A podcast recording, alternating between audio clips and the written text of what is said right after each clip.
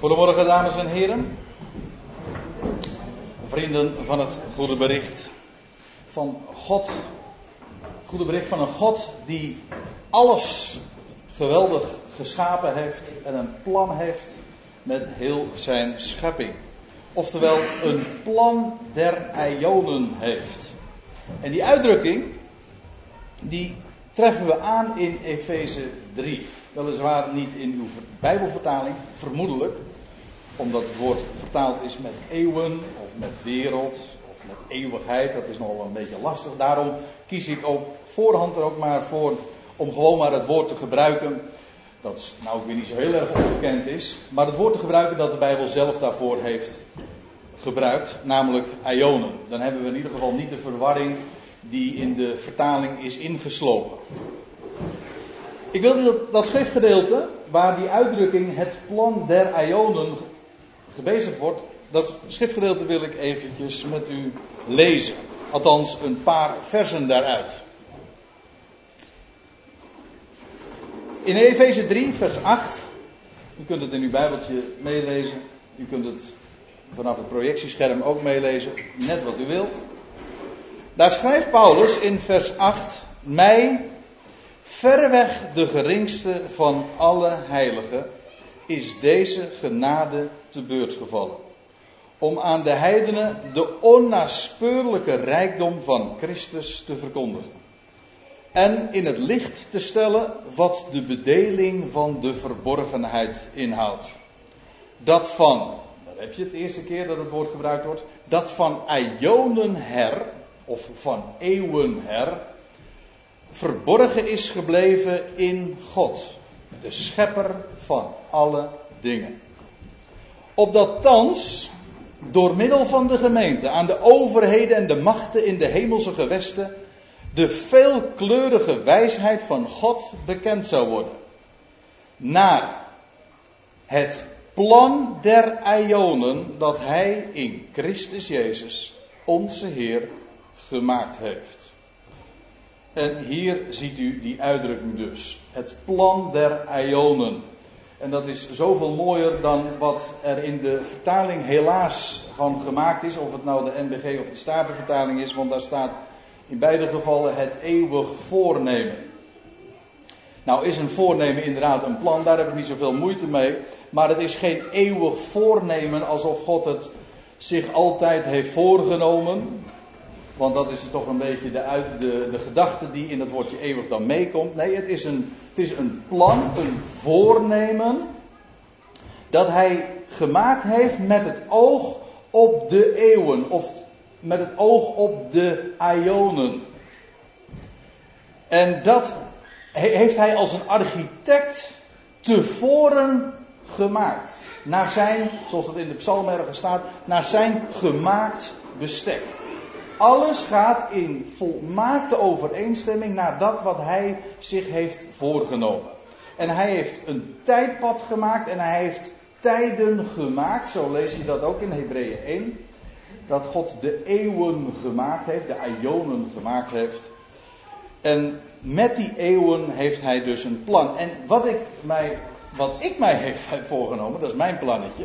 Maar dat is een plannetje dus op menselijk niveau. Wat ik mij heb voorgenomen is om vanmorgen in vogelvlucht eens die ionen te tonen. Mede ook op verzoek moet ik zeggen. En ik heb mezelf daarvoor ongeveer drie kwartier gegeven. Nou, beter gezegd, mijn kinderen hebben die drie kwartier mij toebedeeld. Ja, en ouders moeten naar hun kinderen luisteren, dat weet u. Hè? Zo staat het er toch? En misschien dat daar dan nog wat reserveminuten bij komen. Of blessureminuten, spreek je dan eh, over als het langer dan drie kwartier is. Ja.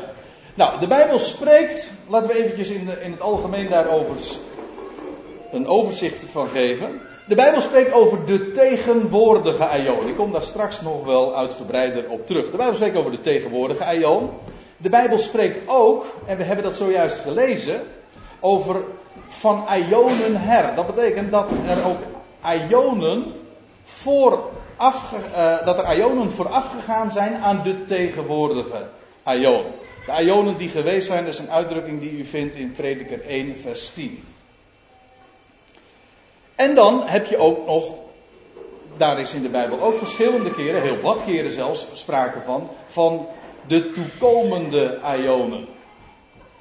Nou, dat betekent dat we er op zijn minst vijf hebben. De tegenwoordige, de Ionen die geweest zijn en de Ionen die nog moeten komen. Dat levert een totaal op van vijf Ionen minstens, maar het blijkt inderdaad te kloppen. Maar daarover ook later nog meer.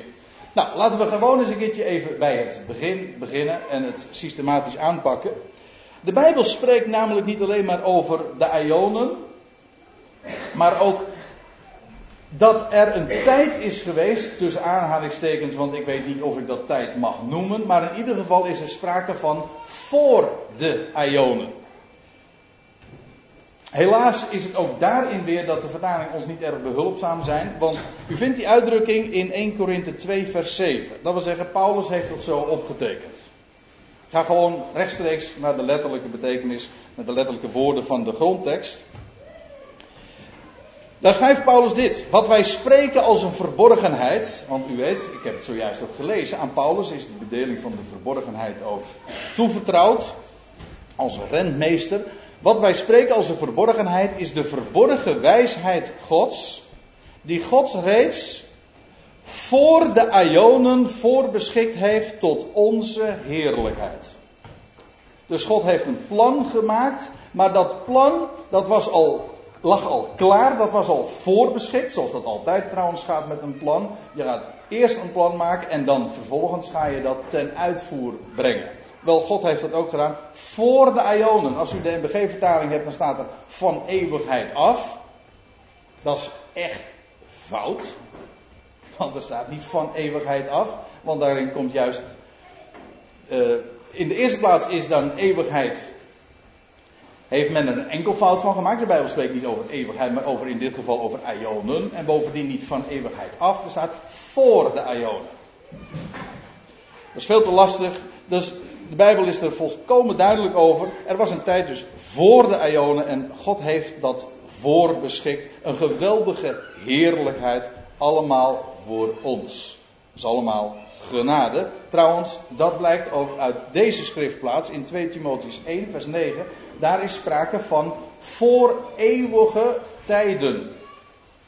Erg lastige tekst of een erg lastige frase die je trouwens nog twee keer elders treft. Erg lastig voor degenen die denken dat Aion te maken heeft met eeuwigheid, want dat doet de juist de Bijbel helemaal niet. Aion heeft te maken met tijden. In 2 Timotheus 1, vers 9, daar wordt gesproken over voor-Ionische tijden. Je hebt een Ionische tijd, een eeuwige tijd. En de ene eeuwige tijd, of een, de, de ene tijd der eeuw, dat is de Statenvertaling dan weer. De tijden der eeuwen. Maar dat is hetzelfde natuurlijk als de eeuwse tijden. In 2 Timotheus 1 vers 9 daar staat dit. Die ons behouden heeft, gaat het uiteraard over onze grote God en schepper. Die ons behouden heeft en geroepen met een heilige roeping. Niet naar onze werken, maar naar zijn eigen voornemen. Heb je dat weer? Dat plan van hem.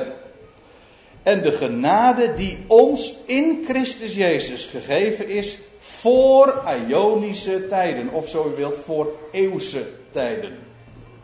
Die uitdrukking gebruik ik persoonlijk liever dan eeuwige tijden. Want eeuwig heeft weer die, die klank van, die smaak van, van eindeloos. Terwijl het juist te maken heeft met eeuw en met eeuws. Zoals iets dat in de 20ste eeuw plaatsvindt, is 20ste eeuws. Toch? Nou, God heeft een plan der eeuwen.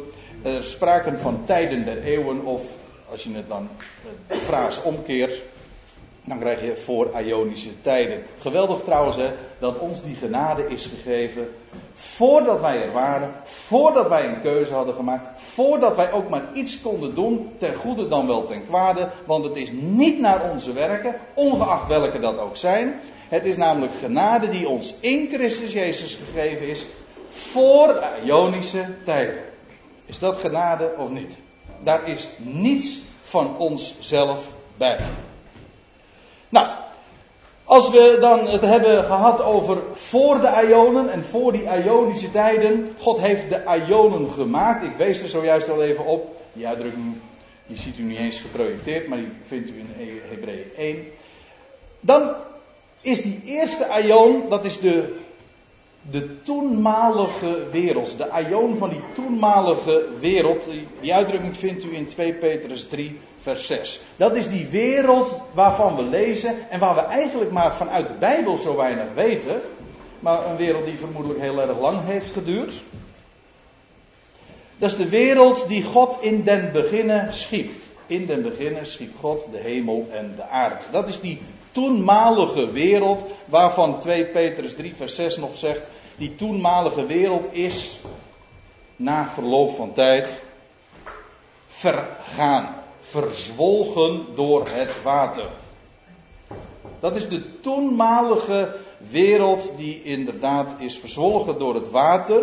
En dat is exact hetzelfde als wat we lezen in, in Genesis 1, vers 2. Die wereld die werd woest en ledig. Of was woest en ledig, maakt me niks eigenlijk in dit verband uit. Want er was een wereld, God schiep hemel en aarde, maar die hemel en die aarde werden verwoest. Zodat er geen hemel meer was en er was geen aarde meer. Nee, want vervolgens moest in die tijd daarna dat allemaal weer hersteld worden.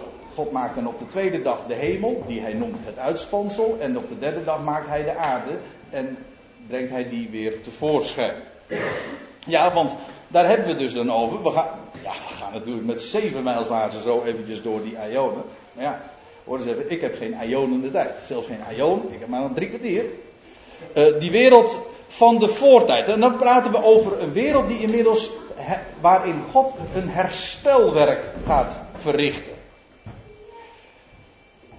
In zes dagen staat er Exodus 20 in de zogenaamde tien woorden, de, de stenen tafelen. In zes dagen heeft de Heere God de hemelen en de aarde gemaakt. In het begin schiep hij de hemel en de aarde. Die wereld werd verwoest door het water.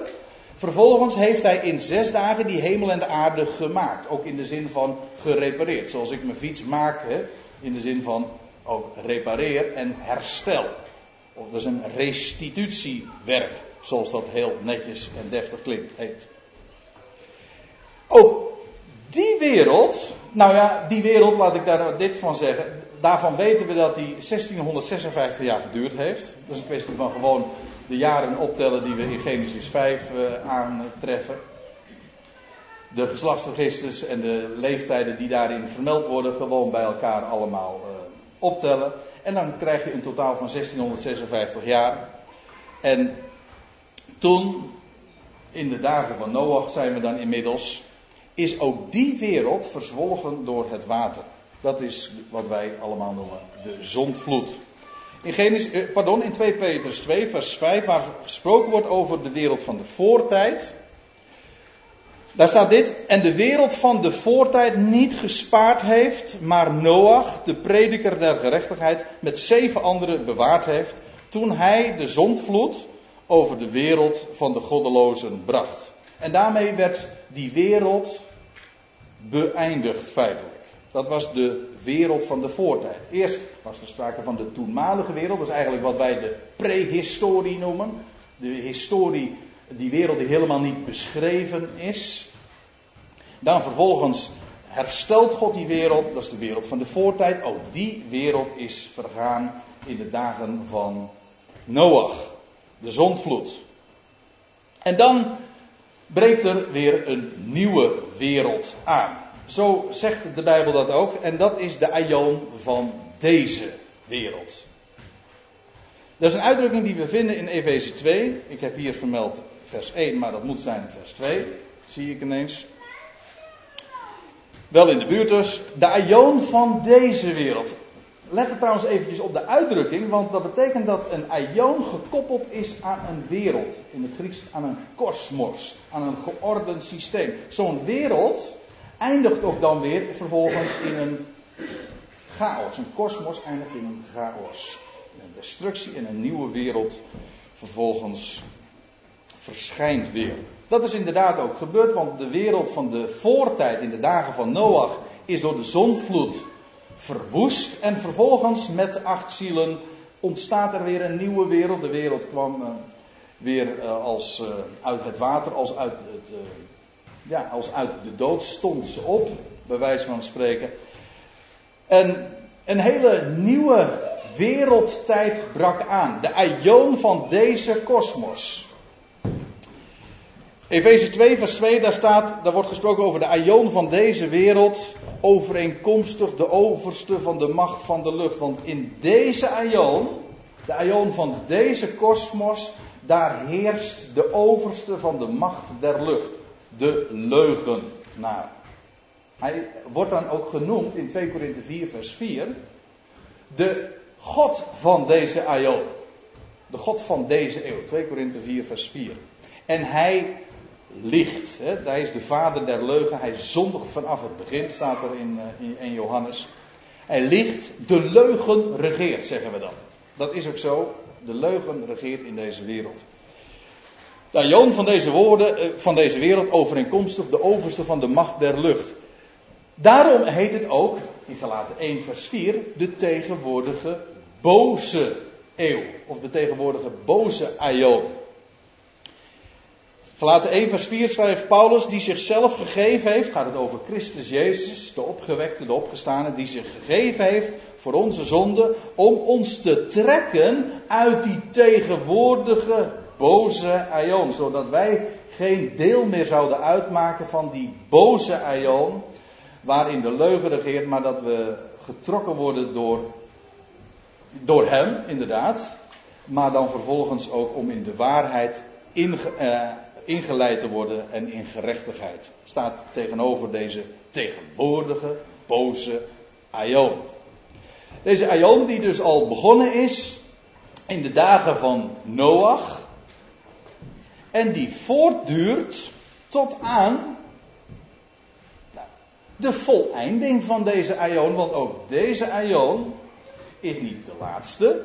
We hebben al eerder gezien, er komen ook nog Aionen. Maar deze de, de van deze wereld zal wel degelijk voleindigd worden. Die uitdrukking vindt u nogal eens een keertje, met name in de Evangelie.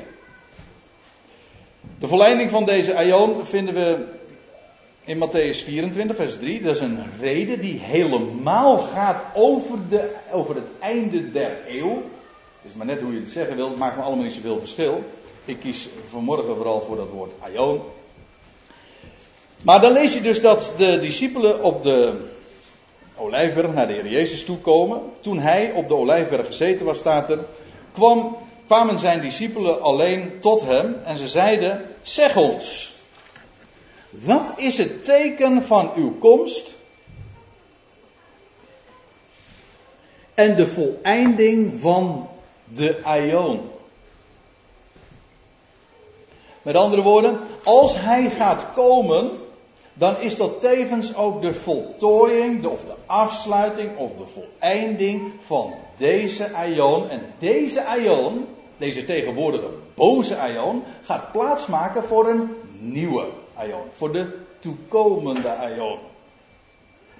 En die, in verband met die afsluiting, nou, er zijn heel veel Bijbelse profetieën die juist daarover gaan. Over die tijd van zijn, van zijn komst. Van zijn parousia, als de Messias zal komen en een einde zal maken aan deze tegenwoordige boze Aion, in verband met, met Israël, in verband met de volkerenwereld, en dan inderdaad zijn koninkrijk gaat vestigen in deze wereld, om te beginnen in Jeruzalem, in Israël en vervolgens de zoon vanaf zijn troon zingen, zingt een opwekkingslied. Vanaf zijn troon vestigt de zoon zijn heerschappij. En hij gaat dat wereldwijd maken. En dat zal die toekomende aion zijn. Ja, want de Bijbel spreekt dus, zoals gezegd, over de komende aionen. Laat ik daar nog eerst nog eventjes een vers van noemen. Efeze 2, vers 7. Daar schrijft Paulus om in de komende aionen de overweldigende rijkdom van zijn genade te tonen. Naar zijn goede tierenheid over ons in Christus Jezus. God heeft nog zoveel rijkdom ook te demonstreren. En daar zal hij ook de gemeente, die in onze dagen geroepen wordt, voor gebruiken als een, als een display, als een etalage. Voor met name ook de overheden en de machten in de hemelse gewesten. En in die komende ionen, dat zijn juist dat zijn de ionen waarin Christus zal heersen. Dus niet meer de boze aion. Deze aion is de laatste boze aion. En als daar een einde aangekomen zal zijn, vandaar ook dat dat zo'n enorm belangrijk markeringspunt is, want wat dan gaat volgen, dat is iets totaal nieuws, waarin de Messias, de Heer Jezus Christus, het voor het zeggen zal hebben. Goed, zoals gezegd, daarin zal Christus heersen. U vindt dat in Lucas 1, vers 33. Ja, ik noem zomaar een plaats, want ik zou natuurlijk op talloze andere plaatsen kunnen wijzen, waar uh, eenzelfde waarheid naar voren gebracht wordt. Maar goed, we doen het even kort en systematisch. Daar, wordt in Lucas 1, vers 33 gezegd, door de engel, door de boodschapper tegen Maria, dat zij zwanger zal worden. En dan zegt die boodschapper, en hij, gaat het dus over dat uh, kind wat zij zou voortbrengen, en hij zal als koning over het huis van Jacob heersen tot in de Ionen. En zijn koninkrijk zal geen einde nemen. Ik kom daar straks nog op terug, want Christus zal heersen tot in de Ionen. Maar dat heeft een totdat. Maar aan het koninkrijk komt geen einde, want hij zal uiteindelijk het koninkrijk overdragen aan God de Vader. Oké, okay. eventjes weer terug naar die toekomende eeuw waar we het al over hadden. Als deze boze Ion afgesloten zal worden, zal ze plaatsmaken voor een nieuwe Ion, dat is voor het gemak even, dus noem ik dat nu de duizend jaren. Of wat altijd genoemd wordt, het duizendjarig rijk. Wat niet uh, correct is natuurlijk, want het rijk dat is helemaal niet beperkt tot die duizend jaren. Die duizend, wat geteld wordt daarin, is dat, dat de Satan gebonden zal zijn duizend jaren. Maar dat is die toekomende aion, de duizend jaren. En verreweg de meeste bijbelse profetieën gaan juist over die eeuw. Over die aion. Waarin Israël gesteld zal zijn tot, een, tot de kop, tot het hoofd der natie. Van Jeruzalem zal de wet uitgaan en des Heren woord uit Jeruzalem. En hij zal recht spreken over volkeren. En dat zal die machtige aion zijn. Die, ja, nou ja, ik veronderstel niet zo heel erg lang meer op zich zal laten wachten. Dan zal die aion gaan aanbreken. Nou ja, daar gaat nog heel wat overheen. En Eerst moet er natuurlijk grote schoonmaak nog gehouden worden. En deze hele boze aion moet gewoon wijken. En een nieuwe aion zal dan aanbreken. De toekomende aion. Dat is ook wat de Bijbel noemt het eeuwige leven. Of beter, het eeuwse leven. Oh, die. Uh... Nee, wacht even. Ja. Ik ben even abuis. Want die, die toekomende aion, die uitdrukking, die vinden we bijvoorbeeld in Lucas 18. Maar zo vaak in het Hebreeuws is dat ook een, eh, een heel bekende uitdrukking. In het Hebreeuws, zelfs onder de Joden, die, die, die spreken over de, de, de, tegenwoordige Aion en de toekomende Aion, de Olam uh, Hazer zeggen ze dan, de tegenwoordige wereld, en de Olam Haba'a. Dat wil zeggen, de, de, Aion, die wereld, die gaat aanbreken. De toekomende Aion. En in Lucas 18, vers 30, daar zegt de Heer Jezus, die spreekt daar over die toekomende Aion. Hij zegt van, als jullie, dat zegt hij tegen de twaalf die om hem heen staan en zegt, nou jullie hebben zoveel achtergelaten in deze wereld en jullie zijn mij gevolgd en jullie zullen zoveel meer ontvangen in deze tegenwoordige tijd. En staat er dan bij, in de toekomende Aion,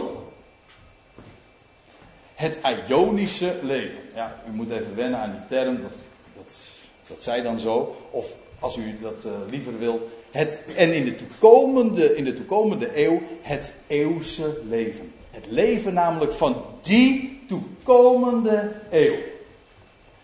En nogmaals, verreweg de meeste Bijbelse profetieën, voorzeggingen, hebben juist betrekking op die eeuw. Wat we dan noemen de duizend jaar. Of wat de Bijbel noemt ook de duizend jaren. Waarin de Satan gebonden zal zijn. En dus ook niet meer de God zal zijn van die aion. Integendeel. Maar ook die aion is niet de laatste. God heeft nog zoveel meer. Dat, dat is in het algemeen prachtig. Op het moment dat, dat Christus zeg maar het roer gaat overnemen, dan, wordt het, dan is het een gaan van heerlijkheid tot heerlijkheid tot heerlijkheid. Het wordt steeds groter. Het wordt steeds machtiger. En totdat het inderdaad, inderdaad eindigt in de grote voltooiing.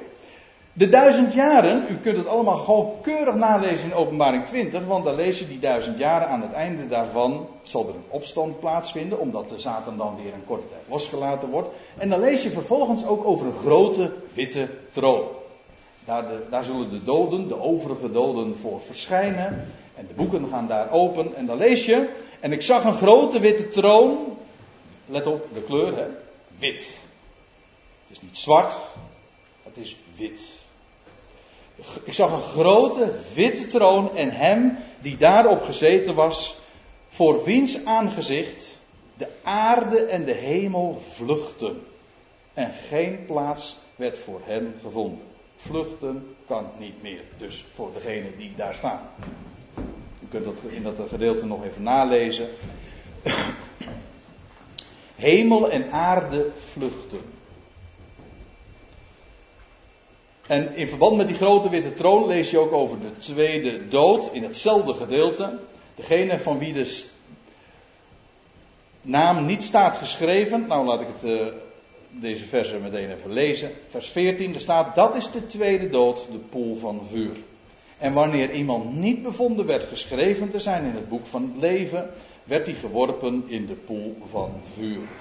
Ja, dat is dus allemaal aan het einde van de toekomende aion. En dat is, het, dat is niet het laatste wat, dan gaat aanbreken, dat is de aion der aionen. Dat is een uitdrukking die u vindt, één keer trouwens maar in de Bijbel, maar in Efeze 3, vers 21. Dat is de hoogste aion. Dat is een echt typische Bijbelse manier van uitdrukken. Uh, bijvoorbeeld je hebt eh, de ijdelheid der ijdelheden, of het heilige der heiligen, of de koning der koningen, of het lied der liederen. Dat is het. Dat is de koning der koningen, dat is de hoogste koning. Van alle koningen die er zijn, is hij de koning. Nou, van alle ionen die er zijn, zal dan gaan aanbreken de ion der ionen. De ion die alles zal overtreffen. Ook de voorgaande Aion. Hoe geweldig die duizend jaren ook zijn. En hoe geweldig de heerschappij van Christus zich daar ook zal manifesteren. En hoe heerlijk het zal zijn voor, voor Israël, voor de hele volkerenwereld. Duizend jaren lang. Moet je nagaan. Toch, daar komt een einde aan. Grote witte troon, daar lezen we over. En ze zal plaatsmaken voor die laatste. Die hoogste. Die heerlijkste. De rijkste Aion en vandaar de Aion der Aionen. En dat is waarvan we lezen prompt daarna, na openbaring 20, waar we lezen over die duizend jaar, over de grote witte troon. Vervolgens, hè, die aarde en hemel die zijn weggevlucht inmiddels. En dan verschijnt er een nieuwe hemel en een nieuwe aarde. En ik zag een nieuwe hemel en een nieuwe aarde, want de eerste hemel en de eerste aarde was voorbij gegaan. En dat is die aion, die wereld, die hemel en aarde waarin God bij de mensen zal wonen. Waarin het nieuwe Jeruzalem, hoe ik me moet voorstellen, ik heb nauwelijks een idee ervan. Maar dan zal het nieuwe Jeruzalem nederdalen naar de aarde. De volkeren zullen wandelen in hun licht. En dan lees je over het geboomte van het leven. Zo geweldig. Zo groots. Dat tart elk, elke beschrijving. Daar ben ik vast van overtuigd. Kijk, over de duizend jaren kunnen we ons nog wel een behoorlijke voorstelling vormen. Want dat zal namelijk plaatsvinden in deze wereld. Maar die, die, die aion der aionen, die nieuwe hemel en die nieuwe aarde, dat zal alles nog weer zo ver overtreffen.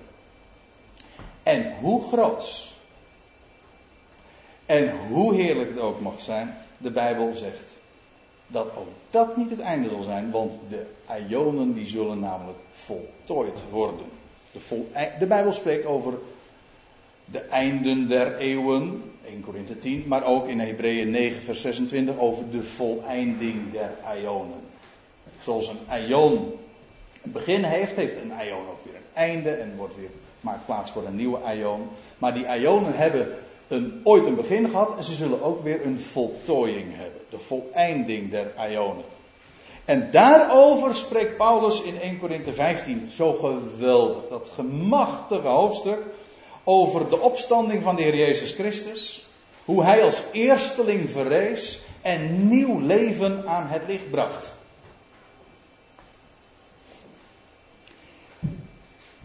En Paulus ziet in 1 Korinthe 15 nog verder dan Johannes op Patmos.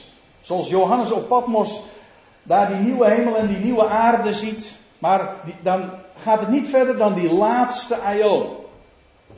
Daarin ziet hij Christus nog heersen. Daar lees je over de troon van het lam en ze zullen als koningen heersen. Dan lees je over die tweede dood. Maar Paulus schrijft in 1 Korinthe 15. Want evenals, laat ik het gewoon voorlezen. Evenals in Adam allen sterven. Zo zullen ook in Christus allen levend gemaakt worden. Maar, schrijft Paulus, ieder in zijn eigen rangorde. Christus als eersteling. Dat is inmiddels gebeurd. 2000 jaar geleden is de Heer Jezus als de eersteling verrezen. En zeg dan niet van ja, maar er zijn al veel mensen daarvoor ook al opgestaan. Jawel, maar die tellen niet mee. Want die stonden allemaal weer op. En die stierven vervolgens voor een tweede keer. Een tweede dood, ja. Christus was de eerste die opstond en onvergankelijk leven aan het licht bracht. Dat is levendmaking. Dat is levendmaking waarbij de dood verzwolgen wordt. Daar heeft Paulus het over. Als hij zegt van dat alle in Adam sterven, zo zullen ook in Christus alle levend gemaakt worden. Christus is de eersteling. Dat is inmiddels verleden tijd. En dat is de grote omkeer feitelijk ook in de geschiedenis. Want dat is de garantie dat het leven zal triomferen. Christus als eersteling. Vervolgens staat er, die van Christus zijn in zijn komst. Of in zijn parousia. In zijn aanwezigheid. Als hij zal verschijnen. Dan zullen er ook levendmakingen plaatsvinden. In de eerste plaats denk ik dan natuurlijk aan de wegrukking van de gemeente. Vervolgens lees je ook over bij, bij de aanvang van de duizend jaren dat de martelaren uit de grote verdrukking zullen worden levend gemaakt. Nou ja, daar ga ik nu verder even niet op in. Maar in zijn, eh, in zijn parousia zal er een, die tweede fase van levendmaking plaatsvinden, namelijk van allen die van Christus zijn. En dan uiteindelijk, daarna het einde van wat dan? Nou, van de levendmaking, want daar had Paulus het over. Daarna het einde. Wanneer hij het koninkrijk aan God de Vader overdraagt, wanneer hij alle heerschappij, alle macht en kracht teniet gedaan zal hebben. Let op. Hier lees je over een, een moment dat het koninkrijk door Christus zal worden overgegeven. Dat hij niet meer zal heersen. Ja. Want, staat er in, uh, in 1 Korinthe 15, Paulus vervolgt gewoon. Want hij moet als koning heersen. We hadden het al eerder gezien, de toekomende Ionen. Niet alleen maar in de komende Ion van de duizend jaar, maar ook de Ion die daarop zal volgen. Daar lees je over de troon van het Lam. En dat ze daar als hij met zijn volk, Israël, de gemeente, het kan me nu even niet schelen hoe dat precies gedefinieerd moet worden. Hij zal daar heersen. In die komende Ionen. Hij moet als koning heersen, staat er. Totdat hij al zijn vijanden onder zijn voeten gelegd heeft. De laatste vijand die teniet gedaan wordt, is de dood. En dat betekent dit. Het einde van de dood betekent de levendmaking van allen. Dat was namelijk de inzet van Paulus' betoog. Zoals allen in Adam sterven, zo zullen in Christus allen worden levend gemaakt. De dood wordt er niet gedaan, oftewel, dat is de triomf van het leven. Dan is er geen dood meer. Waarom niet? Omdat dan inderdaad allen inmiddels levend gemaakt zijn.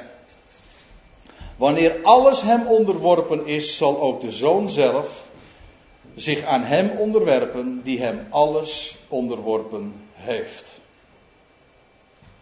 En staat er dan bij, opdat God zei, alles in allen. Kijk, en hier is sprake van de voltooiing van de eeuwen, want nu hoeft Christus niet meer te heersen. Nu is er helemaal geen dood meer. Nu zijn alle levend gemaakt. Dit is wat God zich had voorgenomen voor de Aion. Hij wist waar hij naartoe ging. Van tevoren stond vast, hij wordt alles in allen. En hij heeft alles volmaakt in handen. Hij beschikt. Hij wil dat zo. Hij wil de dood te niet doen en verzwelgen in de overwinning, namelijk in dat leven dat de eersteling Christus aan het licht gebracht heeft. En hij zal dat doel bereiken. Hij rust niet eerder dan dat hij daar is gearriveerd waar hij dat gepland heeft. Zodat we inmiddels gezien hebben, er zijn vijf van die Ionische tijden, de eeuwige tijden, waarvan we lazen in 2 Timotheus 1, maar ook in Titus 1 en Romeinen 16. Vijf Ionische tijden. De wereld, de toenmalige wereld. Laten we het eventjes nog het overzicht behouden. De toenmalige wereld, dat was die eerste eeuw, die eerste Ion. Toen de wereld van de voortijd. De wereld van Adam en van Seth en van Noach, die uiteindelijk verzwolgen is in de zondvloed. Toen brak de derde aion aan, de aion waarin wij leven, ook bijna aan het einde van de tegenwoordige aion. De tegenwoordige boze aion, de aion van deze wereld. Binnenkort gaat hij plaatsmaken voor de toekomende aion, waarin Christus zal heersen de duizend jaren. En dan uiteindelijk na het oordeel van de grote witte troon een nieuwe hemel en een nieuwe aarde. De Aion der Aionen. Vijf Ionische tijden. Maar als je nog eventjes de tijd tussen aanhalingstekens voor de Ionen meerekent en dan vervolgens ook de completering van de Ionen, dus na de voleinding der eeuwen, dat geeft een totaal van zeven tijden.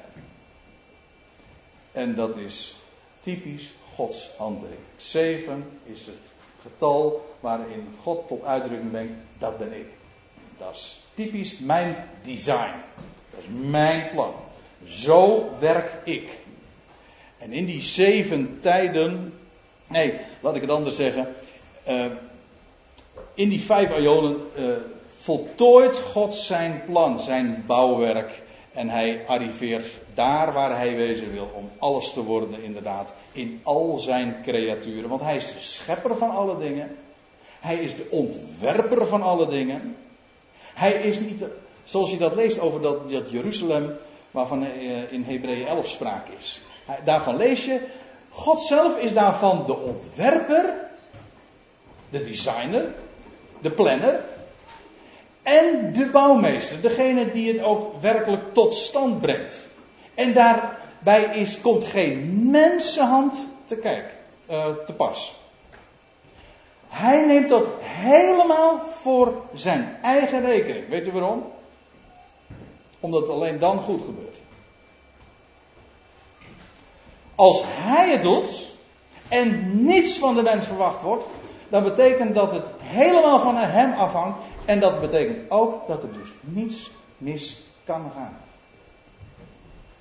En die God, die een geweldig plan heeft met heel zijn schepping, wel hij brengt die, dat plan volmaakt ten uitvoer. En, en als we die zeven tijden zo hebben overwogen, zo in, in, een paar luttele minuten, waar, hebben we het eigenlijk over? Hè? Maar als we die, die Ionen zo hebben overwogen, die zeven tijden dan vind ik het zo machtig dat het kruis van Golgotha in dat stralende middelpunt staat. Ja, ja. Midden van de tegenwoordige aion, daarin staat het kruis. Daarin is de grondslag. Toen gaf hij zijn leven tot een losprijs voor allen.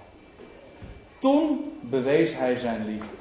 En tegelijkertijd, of ik moet eigenlijk zeggen, op de derde dag daarna, vervolgens toen werd de steen weggerold. En toen werd de dood in principe al helemaal overwonnen. En daar werd de garantie gelegd dat de dood ooit, maar God heeft de tijd hoor. Ja, met recht, hij heeft de tijd, want hij heeft namelijk de tijd gemaakt. Hij, heeft, hij neemt ook daarvoor de tijd. En het, uh, van het ongeduld van de mens trekt hij zich helemaal niets aan. Hij gaat zijn gang. Hij gaat zijn werk. En hij zorgt ervoor dat. En hij heeft ook de prijs daarvoor betaald. Hij gaf zijn leven tot redding der wereld. Wel, die wereld zal inderdaad gaan delen in dat leven dat ooit aan het licht komt.